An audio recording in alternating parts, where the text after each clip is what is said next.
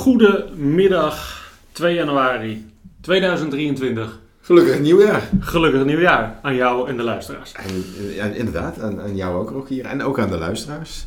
Dankjewel. 2 januari. We, we, start, we trappen af. Ja, 52 edities achter elkaar vanaf nu. Ah, ja, voor, de boeg. En, eh, en, we, en we, we trappen af met, met niet de minste. Uh, we hebben hem vorig jaar uh, in de top 2000 al gehoord. Je hebt hem ook al aangekondigd, Rogier. En dat is eigenlijk de nummer 1 die we in de top 2000 hebben mogen horen op de laatste dag van het vorige jaar, 2022.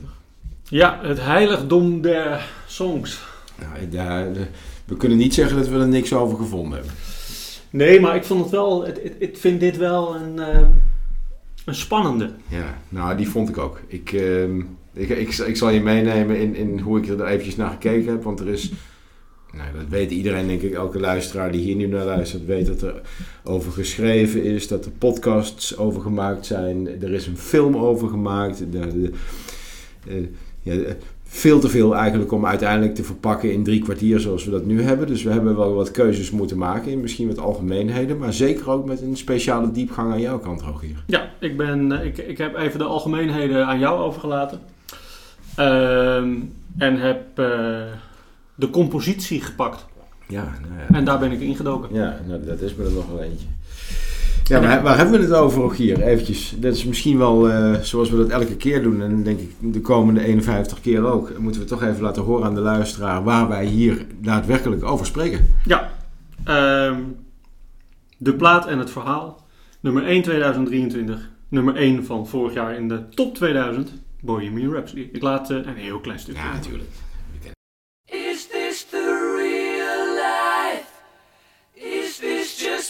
Fantasy. Caught in a landslide, no escape from reality. Open your eyes, look up to the skies and see. Ja. 5 minuten 59. en dit is deeltje 1. Ja, en, ja. En, en de sfeertjes die daarin voorkomen allemaal. Daar heb jij de diepgang in gezocht. Denk ja, dat moet iets van compositie zijn. Ja, ook dit stukje is, eh, is, eh, is al eh, wat over te vertellen, maar dat doen we allemaal straks. Ja, ja het, is, het begon ergens en dan, dan gaan we weer, net als vele andere podcasts, ergens naar de eind jaren 60, 68, begin jaren 70. En Queen bestond toen niet, maar heette toen eigenlijk platgeslagen Smile. Dat was de band waar alles mee begon. En die uh, Smile was een Engels rockband uit Londen zoals we het ook al eerder gehoord hebben in podcast. En eigenlijk eh, mag het genoemd worden als voorloper uh, van de rockband Queen. De band die, uh, die in Smaal in dit geval werd in 68 opgericht door Brian May. De latere gitarist van Queen. Ja, en dat is natuurlijk een, een grote bekendheid. Ehm, maar goed, ze hadden een aantal nummers uitgebracht. 1970 volgens mij hadden ze iets van zes nummers uitgebracht. Die, eh, die allemaal de hitparades niet haalden en die uiteindelijk ook niet heel spectaculair waren. Waardoor ze uiteindelijk uit elkaar gingen en de drummer Roger Taylor en gitarist Brian May uiteindelijk met z'n tweeën verder gingen. Ja. En heel langzaam ontstond toen de band Queen. Ja, dat, wat daar wel leuk aan is, is dat uh, hij is opgericht uh, Smile door Brian May en Tim Staffel. En Tim Staffel was de leadzanger van, uh, van ja. Smile. Ja, absoluut. En nou, dan begint er al iets leuks. Is dat Smile tekende een platencontract in 1969. En how funny is that? Bij Mercury Records. Klopt, ja. De grap is alleen dat toen Freddie Mercury geen Freddie Mercury heette, maar Freddie Bulzara. Absoluut, ja. ja. absoluut. Dat en was... Freddie was een uh, groot fan van uh, de band uh, Smile. Ja, een van de grootste fans, zoals hij dat zelf in die periode ook omschreef inderdaad. En inderdaad, zijn officiële naam Farrokh Bulzara. Dat, was de, dat was zijn naam. Totaal geen artiestennaam. Uiteindelijk is dat inderdaad Freddie Mercury uh, geworden. En misschien dat jij het wel gevonden hebt tussen alle, al je andere zoektochten door. Maar is dat geïnspireerd door Mercury Records? Nee, het heeft niks met elkaar te maken. Nee. Nee, althans niet, uh, niet dat ik het kon vinden in ieder geval. Dat nee. gewoon toeval. Ja. 1970 ehm, vertrekt Staffel.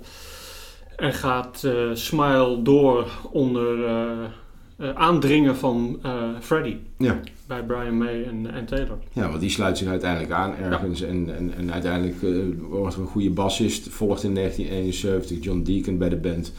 En dan is eigenlijk Queen, zoals dat op dat moment zichtbaar is, compleet. En Ja. eh, heel veel kleinschalige optredens die ze dan eh, doorlopen. En gratis demo-tapes. Heeft in één keer eh EMI. Komt in één keer naar voren. En die zegt van nou, ik heb eigenlijk best interesse in wat jullie doen. Dit vind ik wel een interessante beweging die jullie maken. Laten we maar eens gaan praten. En na het eerste album van Queen mag de band mee op tour. En dat is een band waar ze mee op tour gaan die ik niet kende. En dat is, ehm, en als ik het verkeerd uits- uitspreek, dan zie ik dat ongetwijfeld terug in de comments. Eh Matt de Hoepel. Dat is een, Matt de Hoepel is een Engelstalige rockband, ook uit de jaren 70. En voornamelijk bekend van een aantal nummers die daar uiteindelijk geschreven werden door David Bowie. Oké, dat wist ik niet. Ja, Interessant. ja, dus die, eh, uiteindelijk, uiteindelijk na EMI en het eerste album eh, mochten ze dus mee. Dan waren ze als het ware in het voorprogramma, in dit geval van Mad en de Hoepel. En hebben ze uiteindelijk hun, eh, hun plekje kunnen veroveren in de wereld van, van muziek. Leuk is dat Queen, we hebben heel veel bands ook gehad in de afgelopen tien podcasts. Ehm, waarbij er steeds veranderende settings waren in de band. Ja. Mensen die weggingen, erbij kwamen, een nieuwe bassist, nieuwe gitarist, eh, soms wel een nieuwe zanger zelfs. Eh, ja, dat never happened. Nee, ze hebben gewoon, zij, wat zij wat dat betreft, zij zijn volledig steady band gebleven eigenlijk tot en met, of tot aan de dood moet ik zeggen, van, eh, Ja. van Freddie Mercury. En uiteindelijk nog steeds, en logischerwijs hebben ze er af en toe een andere leadzanger aan toegevoegd en hebben ze nog een andere creaties erop gemaakt. Eh, maar het is een hele steady band inderdaad. In, in tegenstelling tot vele andere bands, waarvan vaak één, soms misschien twee bandleden nummertjes schrijven voor, eh, voor, voor de band. Is in dit geval bij Queen eigenlijk elk bandlid ook gelijk ook een, een, een songwriter. Dat vond ik ook bijzonder. Ja, we En- komen er straks eh, nog één tegen die heel leuk is. Ja, ongetwijfeld. En, en ze hebben ook allemaal, dat vind ik ook knap, als elk bandlid blijkbaar in staat is, allemaal een nummer 1 hit geschreven te hebben voor de band zelf. Ook iets wat bijna nooit voorkomt, dat je vaak of er een externe eh, songwriter is, of er misschien alleen de leadzanger de, de, de, de top 1 of de nummer 1 eh, liedjes schrijft. Maar in dit geval hebben ze er allemaal eentje in een broekzak zitten en hebben ze er allemaal uiteindelijk ook eentje geschreven lastig, want uiteindelijk wordt op zo'n, op zo'n eh, LP wordt ook vaak benoemd wie dat dan is. En uiteindelijk hebben ze er wel een keer voor gekozen om niet meer de namen te gaan noemen, maar gewoon te roepen: dit nummer is geschreven door Queen. Ja, maar The Winner Takes All. Eh, die is ook wat Abba. Ja, Ehm, ja. eh, wa- wat ook wel weer een leuk linkje is naar, naar eh, deze eh, legendarische, iconische song die gewoon echt geschreven is door, door Freddie Mercury. absoluut. Bohemian Rhapsody. Ja. In, in januari 1967, eh, na geloof ik negen weken op nummer 1 gehangen te hebben, werd hij eruit getikt door Mamma Mia van ABBA. En dan ook nog Mamma Mia. Ja, en vervelend dat het Mamma Mia is inderdaad. Ja, nou het, Ja, komt nog, het komt nog voor in de tekst ook, dus dat is natuurlijk helemaal geweldig. Ja, Ehm, maar iconisch, legendarisch en, en award-winning. Ehm, ja, deze song heeft denk ik alles gewonnen wat er te winnen valt. Ja, en een van de songs die het langst ook en meerdere malen in meerdere jaren uiteindelijk steeds een nummer 1 positie herovert. En niet alleen in Engeland, maar eigenlijk over alle continenten heen zie je dat nummer steeds in ieder geval in de, op, op het podium terechtkomen. Eh, en, en heel vaak nummer 1 hits eh, eh, pakken. Ja, hij is, eh, hij is ehm, in ieder geval twee keer officieel uitgebracht natuurlijk. Eén keer in 76 en één keer nadat eh, Freddie Mercury doodging. Ja. Eh, maar eigenlijk drie keer, als, als je Amerika meetelt, ehm, daarin is dat hij in 1992, niet in 1991, opnieuw is uitgebracht. Omdat de populariteit van de film Wayne's World zo groot was met dat nummer erin, dat het nummer gewoon opnieuw in Amerika uitgebracht werd. Ja. En eh, ja, dat, dat klopt. En ja, goed, het is ook een heel extreem. Ik vind het een extreem bizar nummer. En we hebben dat misschien ook wel in die film kunnen terugzien. Dat het nummer helemaal niet geaccepteerd werd door, eh, door platenmaatschappijen. En iedereen riep: wie gaat er nou naar een nummer luisteren? En je riep al net hoe lang die duurde. Ruim Ja. vijf minuten. Ja, wat, dat, was, eh, dat was het langste eh, nummer eh, op die manier die, die in die tijd geproduceerd werd. Ja, en met al die plussen en minnen die erin voorkwamen, leek iedereen er een beetje weerstand tegen te hebben. Behalve Freddie Mercury en uiteindelijk ook de hele band Queen. Die zei van ja, maar dit is het nummer zoals we het gaan uitbrengen. En dit wordt een hit, dit is nieuw, dit is de manier waarop we het doen. En in deze stijl pakken we het ook aan. En uiteindelijk hebben ze mede daardoor een belangrijke invloed gehad op heel veel artiesten. Dat was een mooi stukje wat ik vond. De manier waarop de band niet alleen optredens deed, maar ook de muziek maakte in shows met veel licht, met veel theater, met veel muzikale bewegingen erin hebben ze, en dat, daar is echt een duidelijk lijstje van, heel veel bands beïnvloed en artiesten die aangegeven hebben beïnvloed zijn door Queen. Die? Easy Deasy en Adele, Tori Amos, Backstreet Boys, Boston, David Bowie zelf, Jack Buckley, Kurt Cobain, Coldplay. Ga ze niet helemaal opnoemen, maar je hoort al in welke hoek ik een beetje zit. Dat zijn allemaal hele grote namen en artiesten die heel duidelijk aangeven: mijn muziekstijl en de manier waarop ik op dit moment optreed is allemaal beïnvloed door Queen. Ja, zeker. En, en dit gebeurde in een, uh, uh, in een totaal andere tijd natuurlijk. Je had het net over het, het lanceren van het liedje. Uh, um, op een gegeven moment was hij natuurlijk klaar. Het duurde 5 minuten 59, 5 minuten 55. Um, de, de, de producer van de song, die heb ik al eens eer, eerder genoemd volgens mij. Want dat is degene die die Bechstein piano... Uh, Fantastisch verhaal is dat. Ja. Misschien wel ontvreemd heeft, waarvan niemand ja. weet of het zo is. Roy ja. Thomas Baker. Ja. Dat, dat is de producer van, van, van deze song, deze legendarische song. En die vertelde in, in een van zijn interviews dat ze niet gedraaid wilden worden en dat hij dat wist te omzeilen door eigenlijk de, de DJ die hem ge, ge, erin geschoten heeft, is van Capital Radio, DJ Kenny Everett. Ehm, ze hadden hem een, een, een echte kopie gegeven van alles, maar verteld tegen hem je mag hem niet helemaal spelen. Dus je mag alleen maar stukjes van het nummer uh, steeds laten spelen. Ja. Um, en die, die DJ uh, uh, Kenny Everett zei: Nee, nee, is goed, ik speel het niet, ik, ik ga hem niet helemaal draaien. Um, en die begon met het, met het afspelen en, en, en, laten horen van het nummer in kleine stukjes. En vroeg toen het publiek of ze de volledige song wilden horen. Aha. En toen werd er zo ontzettend veel gevraagd om die song te horen. Ja. En hij had hem natuurlijk al in zijn bezit, want hij had de hele tape gekregen. Um, dat hij uh, um, in zijn show 14 keer het nummer heeft gedraaid in twee dagen tijd. Dus maar dat zijn ook wel echt serieuze cliffhangers als je daar stukjes uit laat horen natuurlijk. Ja, ja. ja um, en, en wat, wat, uh, wat, wat leuk is, wat Roy Thomas Baker ook zegt, is van het, het, het was wel bijzonder dat um, eigenlijk het nummer toen hij echt eenmaal uitgebracht werd, is dat hij aan twee kanten van de wereld eigenlijk direct de nummer 1 positie ging behalen. Ja. En in Amerika en in de UK. Maar ja, misschien dat je het zelf ook wel terug kan halen. Hè? Ik bedoel, dat was ook echt een heel bijzonder nummer. Had totaal geen lijn met datgene wat, er op, wat eruit kwam in die periode. Nee. Dat was echt 180 graden anders. We hadden het vorige week over kerst. Hij werd inderdaad, uh, dat, dat kun je misschien nog herinneren, dat we daar een referentie aan maakten.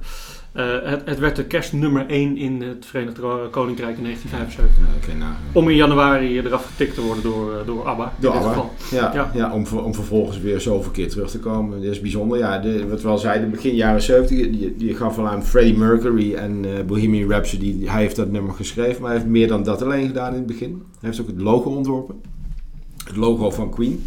Dat bestaat, en dat kennen we allemaal, uit de letter Q. Wat staat uiteindelijk weer voor Queen, logischerwijs. Daar staat een, een kroon in, in dat logo. Wat weer staat voor royalty. En aan beide zijden van die Q, en ik heb er zelf even naar moeten kijken ook, staat een leeuw. Dat is het sterrenbeeld van Roger Taylor, die uh, in juli, uh, 26 juli jarig is. Uh, John Deacon, augustus, ook een leeuw. En boven de Q staat een kreeft, het sterrenbeeld van Brian May.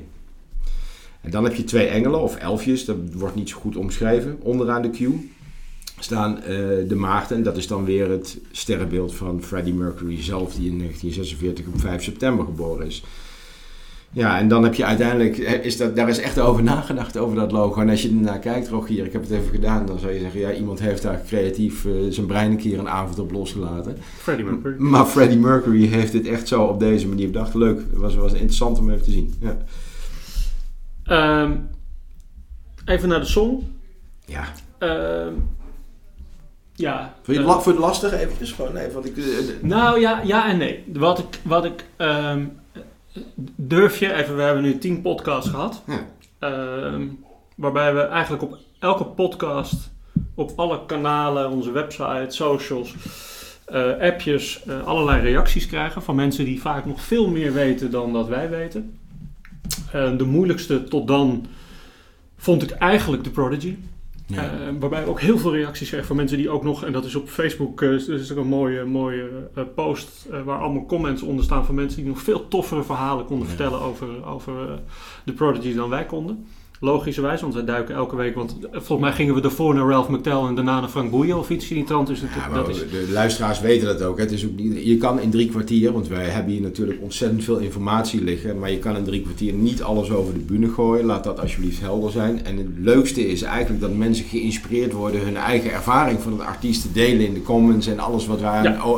op, op website en op social media hebben. Dus Maar eerlijk, dat is dan de, andere, de, de tweede zij- zijde van die medaille. Het lukt je ook in een week eh, niet om, om eh, ja, heel erg veel diepte te zoeken in, in de song. Dus je, je moet daar ook wel wat keuzes in maken. Ehm, dus ik vond hem lastig. ja, Ehm, omdat het ja, de beroemdste song ter wereld is, eh, denk ik. Ehm, dus ik heb een bepaalde, bepaalde kant gekozen. Dus, dus ik ben bij, eh, bij eh, de, ja, eigenlijk het bijzondere van de compositie eh, ben ik begonnen. Ehm, waarbij ik achter leuke dingen kwam. Ik kwam erachter dat Freddie Mercury al heel vroeg begonnen is met deze song. Het is extreem lang over gedaan. Is ja, in de jaren 60 begonnen met schrijven van, van het nummer. Ehm, wat natuurlijk helemaal te gek is, want het, het voor Queen dan. Dat, daar, daar wordt, dat, dat ligt, daar kom ik zo wel op terug, Ja, maar ja, het ligt een beetje, ehm, het is niet helemaal duidelijk of deze echt al in de, in de tijd van Queen geschreven is, of dat hij het begin heeft gemaakt, Ja. ehm, eh, al in een eerder, eh, eerder moment. Ehm, Wat, er gezegd- ja. ja, wat er gezegd wordt, kijk, even het mysterie van Bohemian Rhapsody heeft Queen heel lang, eigenlijk tot aan de dag van vandaag, overeind gehouden. Ja. Eigenlijk heeft niemand van de band, of die erbij betrokken was, ooit verteld waar het over ging. Waar de song over gaat. En er zitten nog wel wat teksten in die song die eh, interpreteerbaar zijn. Zeker, Op allerlei manieren. zeker maar. Even de, de, de tweestrijd gaat het over eh, de coming out van, van eh, Freddie Mercury. In die tijd, precies dat moment, gebeurde dat ook. Maar aan de andere kant zegt hij schreef hem eerder. Het, het, een stuk gaat over de religieuze kant van de achtergrond en de jeugd van eh, Freddie Mercury. Dus, dus daar, daar spelen wel twee verhalen, komen we straks nog wel even op terug. Ehm, wat wel gezegd wordt is dat hij, eh, en, en ik kon die tekst niet vinden, jammer genoeg, is dat er meerdere mensen uit zijn omgeving zeggen het is geïnspireerd op een stuk wat hij schreef en dat heet The Cowboy Song. En die is echt van voor Queen. Dat is echt uit de tijd voor Smile zelfs. Dus dat, dat is iets wat hij, eh, wat hij vrij vroeg schreef. Oké. En Maar daar komen teksten blijkbaar. Ik, ik kon de, de, de lyrics niet vinden, dus ik, ik kan het niet helemaal vergelijken. Maar het blijkt, meerdere mensen zeggen dat in ieder geval uit zijn directere omgeving. ehm, ja, dat, hij, eh, dat, dat, dat het daar een stukje op geïnspireerd is. Ik heb hem niet gevonden, maar At the end of the day, ja, hij speelt het op de piano aan Roy Thomas Baker. ja. Eh, laat het horen. Laat het, daarna gingen ze geloof ik uit eten, vertelt Roy Thomas Baker later. Ehm, hij laat, en hij laat eigenlijk alleen het pianostukje horen en hij zegt... En hierna begint er een opera. Dan mocht hij het mee doen. Waarbij later wel werd gezegd, met name door Brian May ook, van... Wij hoorden wat hij van plan was. En vertrouwden Freddie zo ontzettend in dit soort dingen... dat we hebben gezegd, dit moet waanzinnig gaan worden en dit is... Ja. dat klinkt heel tof. De andere kant van het verhaal is, is dat er al twee songs waren die hierop lijken. Die hebben ze samen gemaakt. Komen Los van. Queen. Nee, eh, in de Queen-tijd. Dus, dus er zijn twee opera-achtige, rock-opera-achtige songs al eerder gemaakt met een beetje dezelfde structuur. Door Queen. Ah. Ehm, waardoor ze ook wel een beetje wisten welke kant het op zou gaan. Ehm, die laat ik straks horen, kom, kom ik zeker op Ja, terug. Maar Freddie Mercury had natuurlijk de extreme fascinatie in de eerste aanleg voor operamuziek. Dat was wel een, daar was hij extreem door gefascineerd. Daar zit ook een dikke knipoog in die albumtitel, het bekende middenstuk van Bohemian Rhapsody. Hè? I see a little silhouette on the wall. Ja. Is een knipoog uiteindelijk naar, dat hele, naar, de, naar die operamuziek. Ja, zeker. Nee, hij, hij, hij- even, het, het is een compositie. Dus hij heeft hem. eh, wa- wat deze song eh, bijzonder maakt, is dat het geen refrein heeft. Ja. Dus het is, opge- zijn precies. Ja. ja, het is opgedeeld uit, eh, uit een aantal stukken. Ehm, daar, daar komen we zo op. Maar dat, de, eh, ehm, bedenk dat het een intro heeft. Het heeft een balladstuk. Het heeft een gitaarsolo stuk. Een opera stuk. Nou, het zijn zes stukken. Ja. Maar geen refrein. Dat, dat komt er helemaal niet in voor. Dus het is een, een hele rare song als je het eh, vergelijkt met wat er toen allemaal uitgebracht werd en hoe een, hoe een liedje gemaakt werd en wordt. Maar wel de diepgang die hij erin zoekt uiteindelijk. Want ik bedoel, zijn, zijn fascinatie, de diepgang, de, de fictieve figuur Figaro. Nou, de zinger kan het niet luisteraars, maar jullie kennen allemaal dat deel waar Figaro Figaro een aantal keer... Ja, dat is... Ah. Daar zit een verhaal achter. Ook. Cool, ja. hou ik mijn mond. Ja. Nee, nee, nee, zeker niet. maar dat, dat, uh, dat fascineerde mij ook. Is dat, is, dat is een onderdeel van, uh, van een van de stukken. Hè? Dus, dus het opera-stuk, daar komt uh, Figaro in voor. Figaro Galileo komt daarin exact, voor. Ja, Bismillah komt erin ja, voor.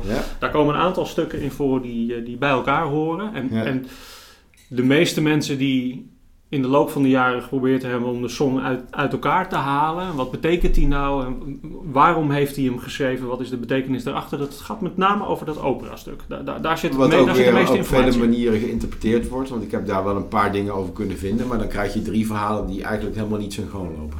Maar goed, nee, hebt, er zijn, exact. Er zijn, omdat niemand ooit heeft verteld vanuit de band of de achtergrond... Ja. Waar gaat die song nou over? En ik denk ook dat er maar buitengewoon weinig mensen zijn die het weten zijn uh, uh, toenmalige vriendin, die, uh, die, wat, wat toen gebeurde in die tijd, hè, daar was hij zeven jaar mee. ja, inderdaad. Was er niet ook zijn vrouw ook? Ja, dat weet ik eigenlijk niet. Dat is een goede vraag. Weet ik niet uit mijn hoofd of hij getrouwd was überhaupt daarmee. Dat, Volgens mij is dat zelfs de vrouw die ook zijn, zijn, zijn katten uiteindelijk geërfd heeft na zijn dood. En ook een groot deel van zijn vermogen. Dat is de rest van zijn leven eigenlijk zijn, zijn allerbeste vriendin gebleven. Dat, dat sowieso. Ja, Dat, en en in die periode gebeurde dat, dat hij uh, zijn eerste coming out had. Ja. Uh, dus dus daar, ja, daar, daar wordt veel naar verwezen in, in waarom de song geschreven is. Maar nogmaals, niemand heeft het hem ooit verteld. Nee. Uh, of niemand heeft het ooit uitgelegd. En ik weet ook niet hoeveel mensen het, uh, het echt weten. Zijn toenmalige vrouw vriendin in ieder geval. Die in een interview, die, die uh, Mary Austin, die, die barstte in, in, in huilen uit toen het ooit gevraagd werd. in een interview, in een van de weinige interviews die ze gaf. Ehm, dat, het over, heeft, heeft, dat het over zijn emotionele gesteldheid ging. Ja. Eh, die ligt wel echt voor de hand. Ja, de vraag is alleen waar ging het nou precies over? Dat, dat is misschien even een beetje. Een beetje... Oké. Terug naar de song. Uh, ik, ik ben altijd uh, uh, op zoek geweest naar studio's, hè, dus Trident Studios. En, en, er zitten er een paar in, hè, hier nu. Ja, ja deze, deze, deze is opgenomen in, in totaal in, in vijf studio's. Uh, het begin werd gemaakt in de Rockfield Studio in, in, op 24 augustus 1975. Uh, daar is het begin gemaakt. En voor de rest is die uh, uh, nog opgenomen in Roundhouse, Sarm, waar we het vorige week over hadden, ja. Scorpion en Wessex. Ehm, waarbij er een tijdje lang een verhaaltje is geweest dat, dat het ook in Trident Studios een stukje is opgenomen. Ehm, die, die, die ligt nog steeds open. Het is nog steeds niet helemaal, want het, het, het, kan zijn dat daar een heel klein stukje is opgenomen. Wat wel zeker is, is dat de piano van uh, Trident, de Bechstein piano van Trident, waar we het uh, eerder over gehad hebben, dat die niet gebruikt is. Nou, er is een die hoor je er ook niet in terug helemaal, niet. Nou, die hoor je er zeker, daarom was er zo'n discussie over, die hoor je er zeker in terug omdat het een Bechstein piano is ja. die gebruikt wordt. Ja. Alleen het is niet die piano van Trident Studios, het is een gehuurde piano. Waarmee die later ook in een live, die witte piano, ja, die Trident Studio was geen witte, maar die witte piano, uh, waar hij later ook nog een keer mee optreedt, uh, live optreedt. Dat is de gehuurde Bechstein piano concertvleugel die ze toen gebruikt hebben. En ik, die heb ik ook niet nagekeken, maar dan maakt me het wel nieuwsgierig of dat dezelfde is als bij de Band 8 optreden. Waar, waar ja, dat, dat, dat is ook een witte toch? Ja, ja, dat, ja. volgens mij is dat dezelfde namelijk. Even, dat is dezelfde oh, ja. gehuurde piano. Oh, maar het is niet de piano van Trident Studios. het is wel een Bechstein, dus het is wel dezelfde piano. Dus je hoort het eigenlijk wel. Alleen wat die Bechstein nou weer zo uniek maakt, weten we inmiddels, is dat hij toch nog een bepaalde sound heeft die Absoluut, net, net iets anders... Uh, dat is net als bij de klaversymbol van, uh, van de Doors. Daar zit een bepaald klankje aan waar iedereen van weet dat het specifiek die klaversymbol is. En dat is bij deze piano niet anders. Um, wat deze song ontzettend uniek maakt. Hij is opgenomen op 24 sporen. Dus we hebben 24 verschillende geluidssporen waarop die opgenomen zou kunnen worden. En die zijn uh, in sommige gevallen meerdere keren gebruikt. Um, en dat is, dat is een techniek die, waar, waar deze song gewoon uh, het overdubben, uh, waar deze de, de uh, song eigenlijk bekend om staat, is dat bijvoorbeeld de stukjes van de zang worden drie of vier keer over elkaar heen opgenomen. Ja, dat vertelde je en, ja. ja. En sommige stukken, ehm, worden, eh, ik geloof, 180 keer over elkaar heen opgenomen. Ehm, eh, om, om uiteindelijk maar een bepaalde sound te krijgen waar deze song echt, echt onbekend staat. En dat leerde hij dus van twee andere nummers waar we zo nog wel even op terugkomen, die, die, waar ze dat eerder hebben gedaan. Die, die songs, My Fairy King en The March of the Black Queen, dat zijn twee, twee andere Queen songs. Eh, daar gebeurt dat eigenlijk ook. Ehm, we lieten net het stukje van, eh, het openingstukje van ehm, deze song horen Zeker. van Bohemian Rhapsody. En wat ik, het eerste wat ik daaraan ontdekte, wat ik ook eigenlijk gewoon niet wist, is dat in de clip zie je alle vier.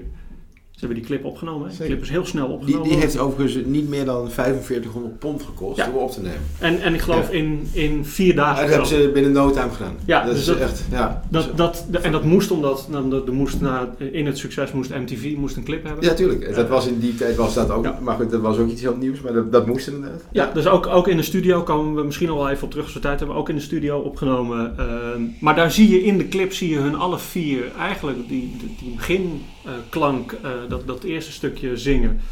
Eh, maar dat zijn ze niet alle vier. Dat is alleen Freddie Mercury. Oh ja? En de rest wordt gelipsynct, zoals dat zo mooi heet. Dus da- daar begint de song, eh, eh, eh, om ons een klein beetje voor de gek te houden. Ja. Ehm, dat- dat is niet die, de vijfstemmige harmonie. Ehm, dat is niet vijfstemmige harmonie. Dat is, dat, dat is Freddie doet Mercury. hij in vijf stemmen. Ja, ja. Hij schijnt ook de enige te zijn die in vier octaven kan zingen als man. Ja, het- ik geloof je gelijk. Ja. Ja, dat, dat, in Ja, deze song komt dat denk ik ja, voor. dit, dit is een linkje. Ik, toen ik, ik heb het niet opgeschreven, maar ik heb ergens gelezen dat dat... eh, Nou, dus dat ik zoek dat ondertussen even of... of Ja, ja zoek, het, zoek het vooral even op. We hebben daar de tijd wel voor. Ehm, de, de, de, de- dus in het begin van die song zing, zing- lijkt het alsof alle, vier, alle vijf zingen, of, of vier plus één zingen. Maar het is uiteindelijk Freddie Mercury die dat in het beginstuk dan eh, eh, doet. En dat is ja, gedubt, dus heel vaak over elkaar heen opgenomen en, en op allerlei stukken. Eh, na 14 seconden eh, komt Bechstein erin. Oftewel, dan hoor je de piano. Ja. Eh, die, die, die, dan, begint het, eh, dan begint de song eigenlijk. En dat eerste stukje, dat noemen we dan even de intro, dat eindigt dan op 49 seconden. Ja. Vanaf de 49ste seconde ga je naar wat ze noemen in deze song de belt. Ehm, op Ja, één het minuut. de- Het deel, sorry, de- het Ja. deel van de song wat als ballad omschreven kan worden. Dat- de rest heeft een andere... Daarna volgt de, Precies. de, hard, eh, de opera scene, de hard rock scene, et cetera. Ehm, waarbij gezegd wordt dan, even voor degenen die hem uit elkaar hebben gehaald, de song eh, van 50 seconden tot 2 minuten 35 duurt dan de ballad. Ja, Het ja, gedeelte. Wat ik ook leuk vond, is op dit moment komt, eh, dus de piano speelt mee en na 49 seconden begint de drums. Dan krijgen we Taylor op de drums die, eh, die eh, een stukje, eh, eigenlijk de muziek mee gaat drummen door de hele song heen. De begeleiding drumt. Ehm, en dat is een, wat ze noemen een 1-1-2 ritme. Wat ik niet wist, is dat hebben ze niet apart gecomponeerd voor deze song. Maar dit is het ritme van We Will Rock You, maar dan in balladvorm, oftewel langzamer gespeeld. En die gaat de hele song eigenlijk door.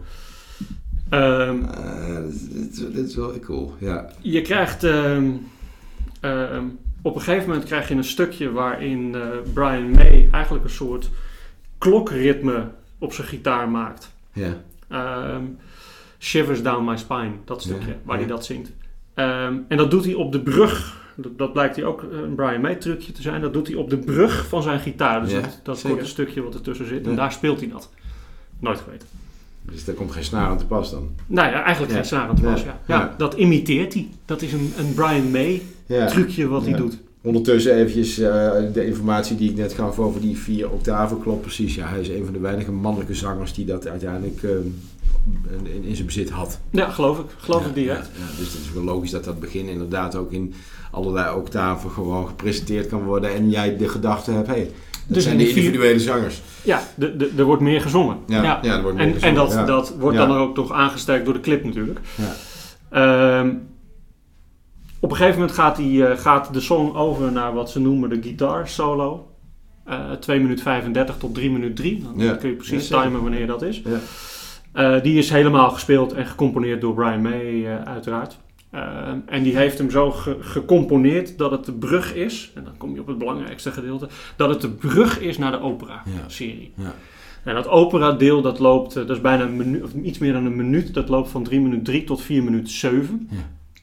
Ehm, en daar zit het koor in. Het koor-effect wat ze, wat ze proberen na te bootsen. Ehm, en die komt wel van alle drie, of van niet allemaal, van alle van drie. Brian May, uh, nou eigenlijk alle vier, Brian May, Freddie Mercury en Taylor. Ja. Uh, die zingen die zangpartijen en die hebben dat, uh, dat, dat was mijn 180 referentie. Die hebben 180 afzonderlijke dubs gemaakt, dus oftewel kleine stukjes gezongen. Ja. En dan zijn ze geloof ik tien, dat is een on, groot onderdeel geweest van de, de song en de, de looptijd van het opnemen van de song. Is, ja. Ik geloof dat ze daar 10 tot 12 uur per dag een aantal dagen achter elkaar mee bezig zijn. Dus alleen maar zingen. Omdat alleen maar, zingen. Ja. ja.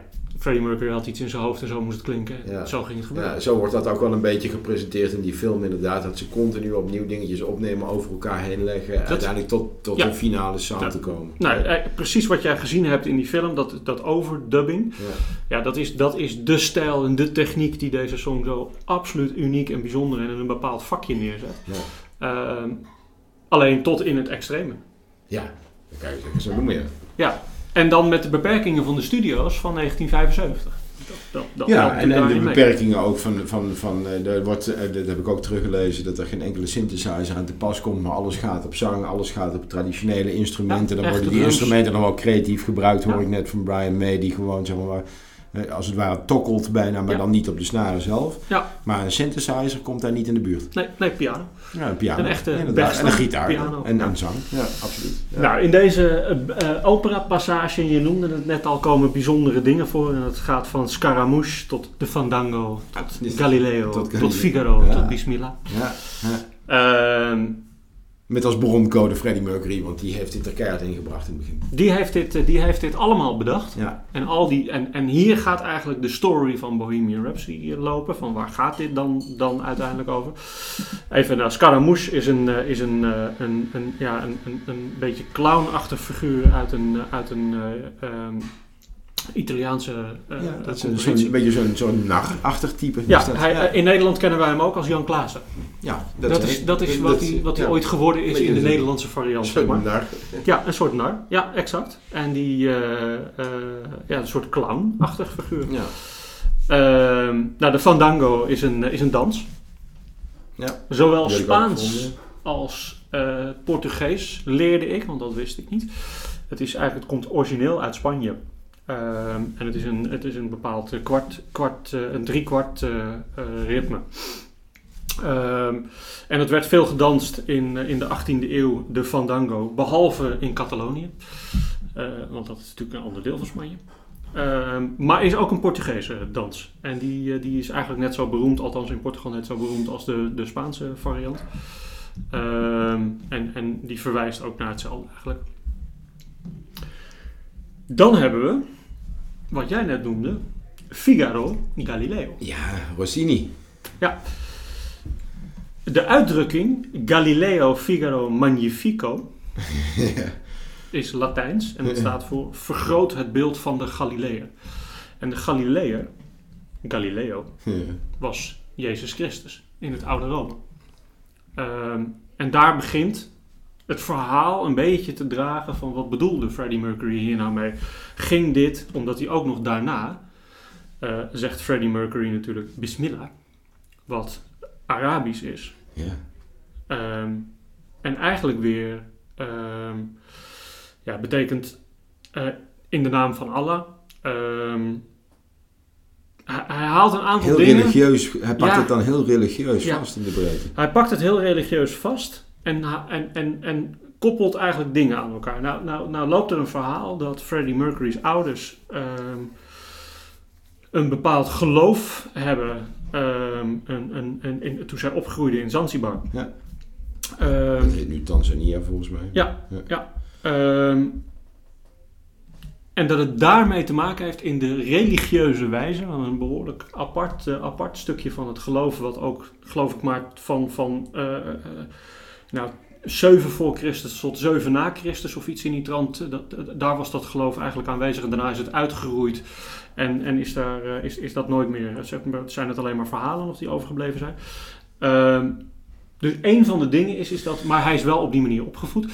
Dus een van de verhalen is, is dat het iets met die kant te maken heeft. Ja, en, ik, en, en uiteindelijk weet ik, en heb ik ook terug kunnen lezen, dat die Galileo is uiteindelijk een, een, een, eh, een type wat uiteindelijk vervolgd werd, uiteindelijk kerkelijk vervolgd. En dan weet ik niet of het eh, aan, de, aan de katholieke kant is, of nou, ik weet niet welke kant.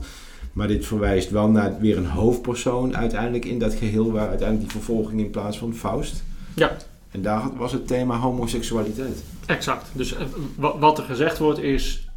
Ehm, uh, degene die gedood wordt in de song, dat is de oude Freddie Mercury. Ja, precies. Hij, hij zocht eigenlijk gewoon naar een soort acceptatie. Dat acceptatie en vroeg eigenlijk acceptatie van, van, van Jezus of van God of van, van zijn religie.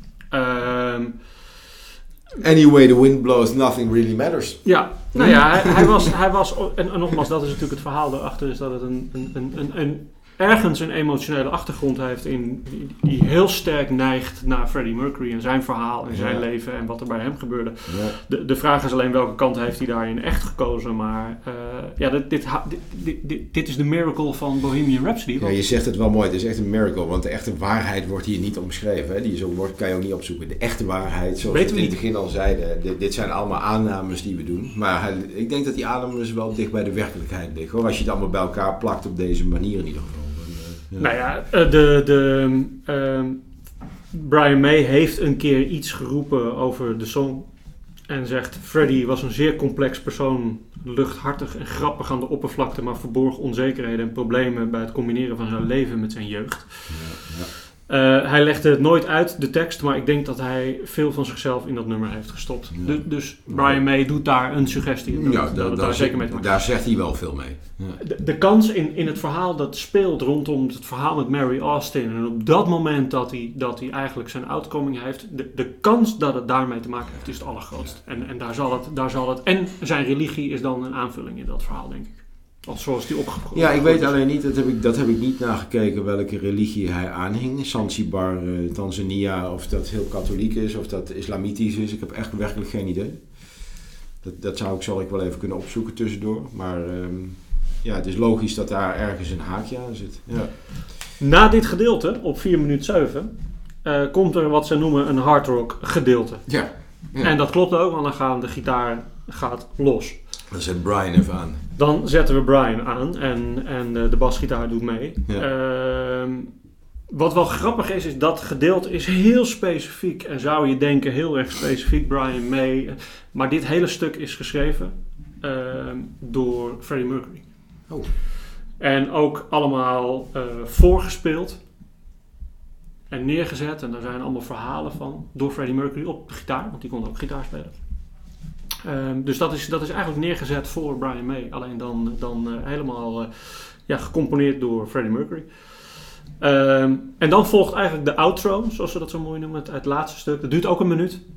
Um, wat heel tof is daar, is dat dat een, uh, een, wat ze noemen een dubbelsporige, dubbele gitaarmelodie is. Dus ze spelen twee melodieën door elkaar heen. En dat wordt gedaan op een versterker die daar speciaal voor bedoeld is. Die ontworpen is door John Deacon en die door John Deacon de Deaky Amp genoemd werd. Tuurlijk. Ja. ja geef, als, hem, geef, hem, je naam maar, jongen. Als extraatje. Ja. Um, toen was het nummer af. En toen werd het uitgebracht. Um, Vol ongeloof overigens. Vol ongeloof. Terug, even ja. een retro perspectief zoals ze het noemen. Want mensen wilden, wilden het niet draaien. Mensen vonden het te lang. Zelfs de platenmaatschappij die dachten laat mij met rust. Hier wil ik niets mee te maken hebben. Hier wachten mensen niet op en vinden mensen heel veel van. Ja. Even dan kom je terug bij, bij de lancering. Wat ik, wat ik vond, en dat vond ik wel een grappig, uh, grappig iets. Toen de Greatest Hits, dan wordt een referentie gemaakt naar cassetten. Toen de Greatest Hits cassette uitkwam uh, in Iran werd er een pamflet in het Persisch bijgevoegd met de vertaling en uitleg uh, naar The March of the Black Queen. Dat is een boek ook. Waarin de hele biografie van de band en complete teksten met Persische vertaling uh, werd neergezet. En in de toelichting, en dan kom je bij Bohemian Rhapsody, toch een klein stukje over waar het over zou kunnen gaan. Mm. Uh, in de toelichting stelt Queen, dat Bohemian Rhapsody, dus in de vertaling in het Persisch, dat gaat over een jonge man die per ongeluk iemand heeft vermoord en net als Faust, wat jij al zei, zijn ziel aan de duivel heeft verkocht. Ja, ja. Op de avond van zijn executie roept hij God in het Arabisch, Bismillah, en met behulp van de engelen herwint hij zijn, zie- zijn ziel van de duivel. Ja. Dat is volgens een Ja. inside leaflet in alleen wat ik teruglees, de Iraanse versie van de Greatest Hits cassette Ja. van Queen, Gaaf gevonden. in het Persisch vertaald, erbij gestopt. Ja. Dus dat is een easter egg, wat mij betreft. Ik denk als je die cassette in je bezit hebt, ja, dan heb je al een dingetje. ja, met de originele leaflets erin. Ja. Ehm, Oh, wauw. Ja. ja. Ja, dat is uniek. Ja, de, de, de- alle pijlen wijzen erop dat het hierover gaat als je het eh, probeert af te pellen. Maar goed, eh, Even terug naar de song. Is ook wel leuk. Ehm, dus, dus we hebben hier, ik, heb, ik heb geprobeerd de compositie beter te pakken. En dat vond ik ontzettend leuk om te doen. En er is nog heel veel te vertellen. En we gaan het allemaal weer in de blog stoppen. Wat we allemaal nog gevonden sowieso, hebben. Ik heb nog een paar kleine dingetjes die hier aan linken en waar mensen door geïnspireerd zijn. Maar daar komen we zo dan wel even. Maar nu, nu even weer wat zijtakjes. En die Ja. vind ik ook altijd natuurlijk Ja. leuk om te doen. Ehm, hij werd gelanceerd. En er zat een B-kant aan vast. Zoals dat, zo- zoals dat toen zeker ging. Ja, 100%. Ja. Weet je wat de B-kant is? Toevallig.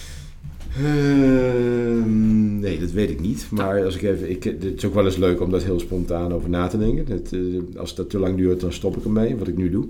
Nou, dan bij deze roep ik het.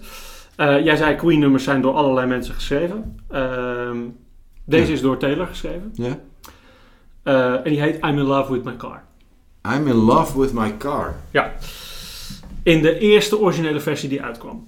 eh, van, van Bohemian Rhapsody. Eh, Brian May, toen hij hem hoorde, dacht dat hij een grap maakt. Dit is een absoluut bizar apart nummer. Gaat over auto's. ja, Taylor was gek op auto's. Reed zelf in een oude Alfa. En aan het einde van die song is zijn autogeluiden en, en, en dingen te horen. En die zijn van zijn Alfa. Ehm, hij heeft later uitgelegd dat de tekst werd geïnspireerd door, door Jonathan Harris, die in zijn Triumph TR4, eh, die beschreef hij als the love of his life, wat ook nog later een nummertje wordt. Ehm, en er staat ook bij dat het dedicated to Jonathan is. Dat was een roadie blijkbaar van, eh, van Queen, dat wist ik niet. Ja. Ehm, Freddie Mercury zingt deze niet. Taylor zingt hem zelf. Oh, ik ga Freddie hem luisteren. Ik heb, hem, ik heb hem denk ik nog nooit gehoord. Nou, ik, ik ga hem opzetten voor je. Ja, leuk. I'm in dat love with ik my car. Echt niet gehoord.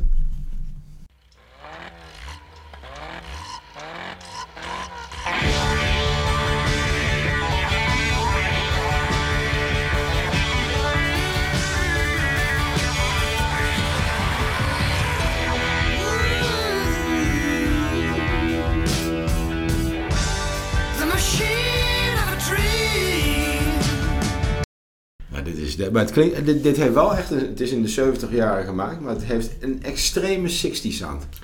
Ja, eh, ik, ik ben, eh, ik ben eh, gek van, eh, van auto's. Ja. Ehm, dus ik vind dit wel heel tof, dit nummer. Nou ja, ik ga hem zeker luisteren. Ik ben ook helemaal gek van auto's. Ik ben ook nieuwsgierig welke Alfa het precies is eigenlijk. Want dat, eh, Gaan we nog verder op induiken. Wat wel grappig is, is dit heeft wel een beetje kwaad bloed in, in eh, de band ook op een gegeven moment gezet.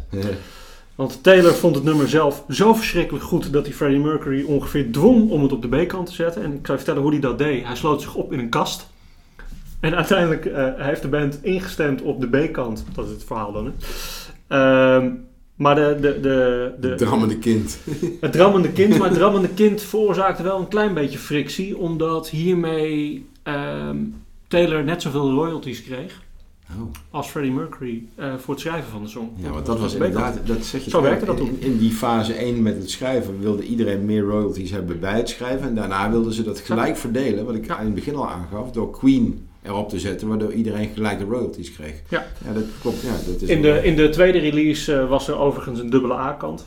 En eh These are the days of our lives. Hè. De- Ja. Dat is de tweede. de- de- hij kwam tegelijkertijd als AA uit eh, Bohemian Rhapsody opnieuw. En These are the days of, of our lives. Ja. Dus het tweede, tweede verhaal. Ja, dat is, dat, is- dat is de laatste.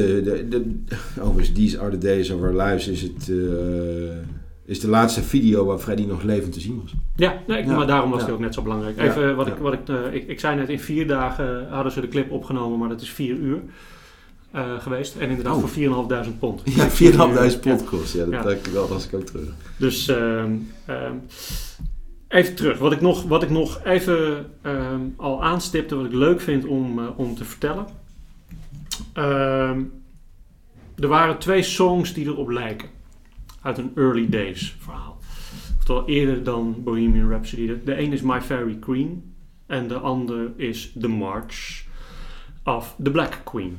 Je zou, Eh. je zou dan, eh, als jij dat, heb je, het- kan je, laat je het horen? Ja. Eh, Oké, nou, maar dan zou je dus kunnen zeggen, hij heeft het nummer een deel gejat. Of in ieder geval, hij is geïnspireerd door een ander nummer. En uiteindelijk heeft hij daar Bohemian Rhapsody op gezet. Ja, het is in ieder geval de stijl van Freddie Mercury die wel duidelijk is door deze twee songs eraan toe te voegen. Ja, ja, ja. Ehm, voordat ze John, John Deacon vonden in Smile, eh, na Smile, aan het begin van, eh, van eh, eh, Queen, was er een andere bassist, Barry Mitchell, en die, die ook beweert dat hij My Fairy King geschreven heeft, My Fairy Queen geschreven heeft. Ja. Maar uiteindelijk eh, wijst het toch wel echt terug naar Freddie Mercury. Eh, al- eh, dit is een van de allereerste originele Queen-songs, omdat ze in die tijd heel veel oud materiaal van Smile gebruikten. Ja, ja. In het beginja, eh, begindagen van, van Queen. Dit is een van de eerste originele dan, die dus door Freddie Mercury geschreven is. Ik geloof op zijn bed had hij dat in no time, in no time geschreven. Ehm, en eigenlijk ehm, ja, is dit, is dit een, een basis die erop lijkt, ook in de manier waarop het opgenomen is. In de manier waarop dat, dat dubbing onder andere plaatst. Ik zal hem even laten horen deze.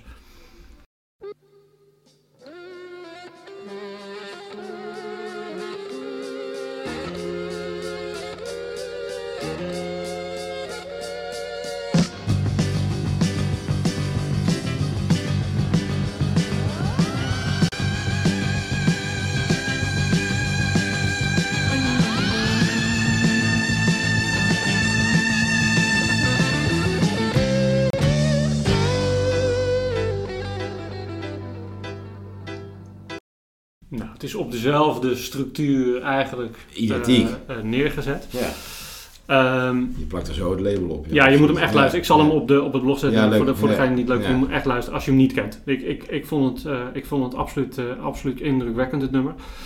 Ehm, dat leidt uiteindelijk tot ehm, eigenlijk de volgende song die daarop aansluit. Dat is de March. Ehm, en als je die dan eh, erbij pakt, die, die is eigenlijk eh, de March of the Black Queen. Hè? Die ehm, ja, lijkt eigenlijk een beetje op dezelfde manier eh, gemaakt, is alleen iets later. Dus ehm, Wel 70. Ja, ja, ja zeker, zeker voordat Bohemian Rhapsody ja, ja, uitkomt. Waarbij Freddie Mercury zegt, ja, dit is, deze song heb ik echt, die is ver voor, voor Smile eigenlijk begonnen ook met schrijven. Dit, dit heeft eeuwen geduurd om het te schrijven, maar ook om, om het nummer te maken. Waarbij de bandleden later, waaronder het John Deacon zegt, dit was zo verschrikkelijk, verschrikkelijk, verschrikkelijk moeilijk om op te nemen en om te spelen. We hebben geloof ik wekenlang achter elkaar alleen maar gerepeteerd om het überhaupt, überhaupt te doen. En what's the big thing? Wat ik weer tof vind, Ja. linkjes. Ja. Deze is wel opgenomen in Trident Studios. Met? En deze heeft wel de wegstaan. Ja? Ja, dit. Is, de- de- deze hoort wel in dit, eh, in dit lijstje. Even, deze is nooit live eh, eh, gedaan. Het was veel te moeilijk om live te doen. Even dat geldt met Bohemian Rhapsody ook. hè. Daar hebben ze ook allemaal varianten van gemaakt om het live te kunnen. Deze was nog moeilijker. Die hebben ze nooit live gedaan. Zover ik heb kunnen terugvinden. En is ook nooit als single uitgebracht. Dus dit is wel echt een, een aparte. Ik ga hem je laten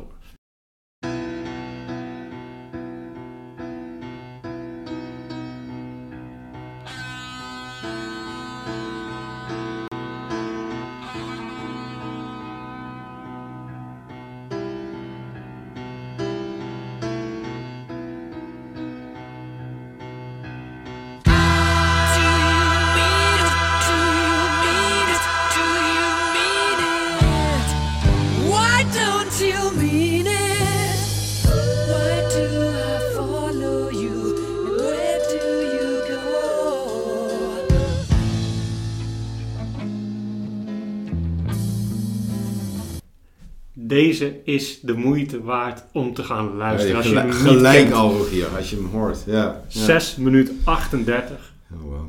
Ja. Eh, een fantastische song. Ehm, dit, dit, dit ga ik lekker op de blog zetten, maar ik, ik, deze twee songs, ik kende, ik kende ehm, The March wel en, en My Fairy Queen niet. Ehm, maar ook niet goed, moet ik heel eerlijk bekennen. Ja, Ik ga ze bij gelegenheid allebei eventjes rustig luisteren. Want de klank, rustig. de klank Zet hem heel hard. Ja, dat is, het is heel bombastisch inderdaad. Ja. Je moet hem echt eventjes in, in de ruimte laten komen. Even, als laatst. Ja. En dan moeten we echt afsluiten, want we zijn alweer veel te lang bezig. Oh. We zitten, we zitten al, al ver over de normale tijd van, eh, van een, eh, We kunnen van wel, een twee- podcast. als we dat twee keer per jaar en die 51 keer die we nog te gaan hebben, een keertje een hele lange podcast maken. Of misschien hopelijk ooit een keer live kunnen gaan. Dan kunnen we er wat dieper op Ja, Maar dat jaar- is nu niet het geval. Volgend jaar staat hij denk ik weer op nummer 1. Dus Ja. mogen we hem nog een keer doen en dan duiken we op een andere manier Bohemian in. Rhapsody, dames en heren, even in de algemeenheid. Het wereldsucces van Bohemian Rhapsody in alle Europese en in Amerikaanse poppolls is altijd verkozen tot de beste songs aller tijden. Of staat in ieder geval op het podium. Dit, dus dit nummer, ja, dat... eh, Even als laatste, er moet een link met Elton John gemaakt worden. Eh, as we know it. Nou, Ja. De makkelijkste eh, is inderdaad wat ik al eerder verteld heb, is dat Gus, de, de Ja. producer van Elton John, die leidde Roy Thomas Baker op. Hè, dus dat is te makkelijk.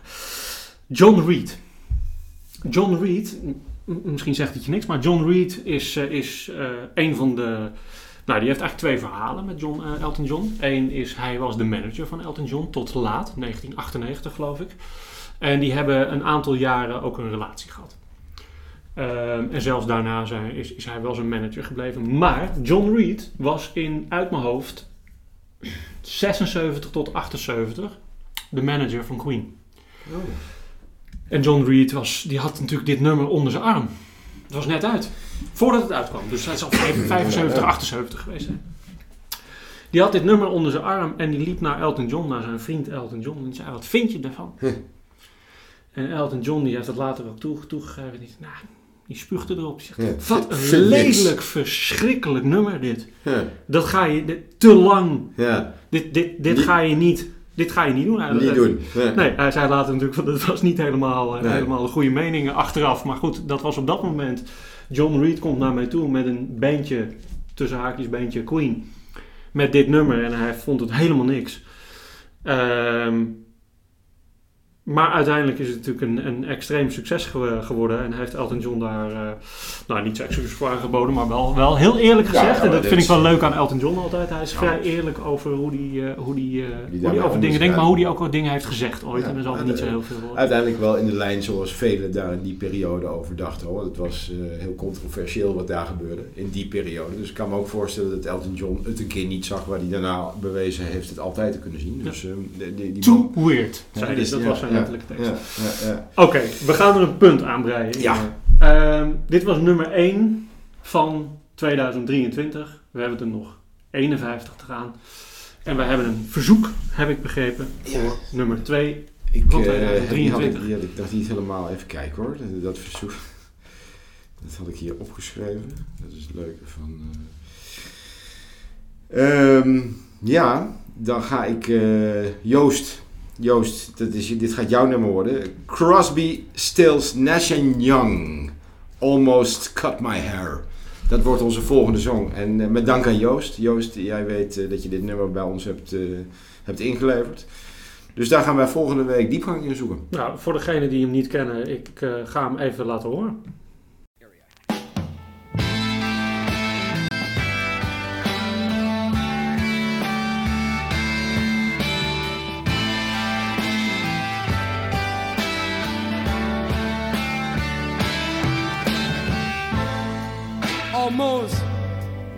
My hair.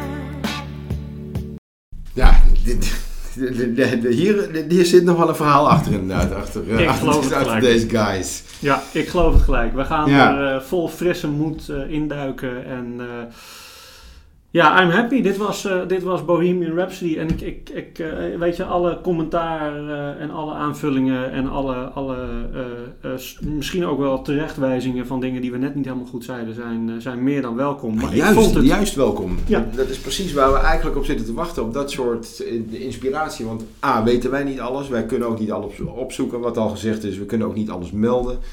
En uiteindelijk gaat het om, om jullie, eh, luisteraars, de interactie daarmee. En daar, daarom komen dit mooi, soort mooie aanvragen ook binnen. Op een gegeven moment zeggen dan wil ik hier wel eens wat over weten of vul dat lekker aan. Nou, even, ehm, de website eh, eh, wordt steeds uitgebreider. De plaat hetverhaal.nl. Ga daar ook af en toe naartoe, want ook daar staan dingen over de songs. Daar komen de blogs op, daar staan nieuwtjes, maar daar staat ook een forum op altijd. En waar je alle toffe verhalen die jij nog weet over een song eh, neer mag, eh, mag pennen. Ja.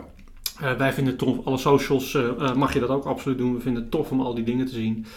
Ehm, ja, Crosby, Stills, Nash en Young. Ja, dank u. Nou, de, we gaan er, ik heb zin. Tot in volgende volgende week. Tot volgende week.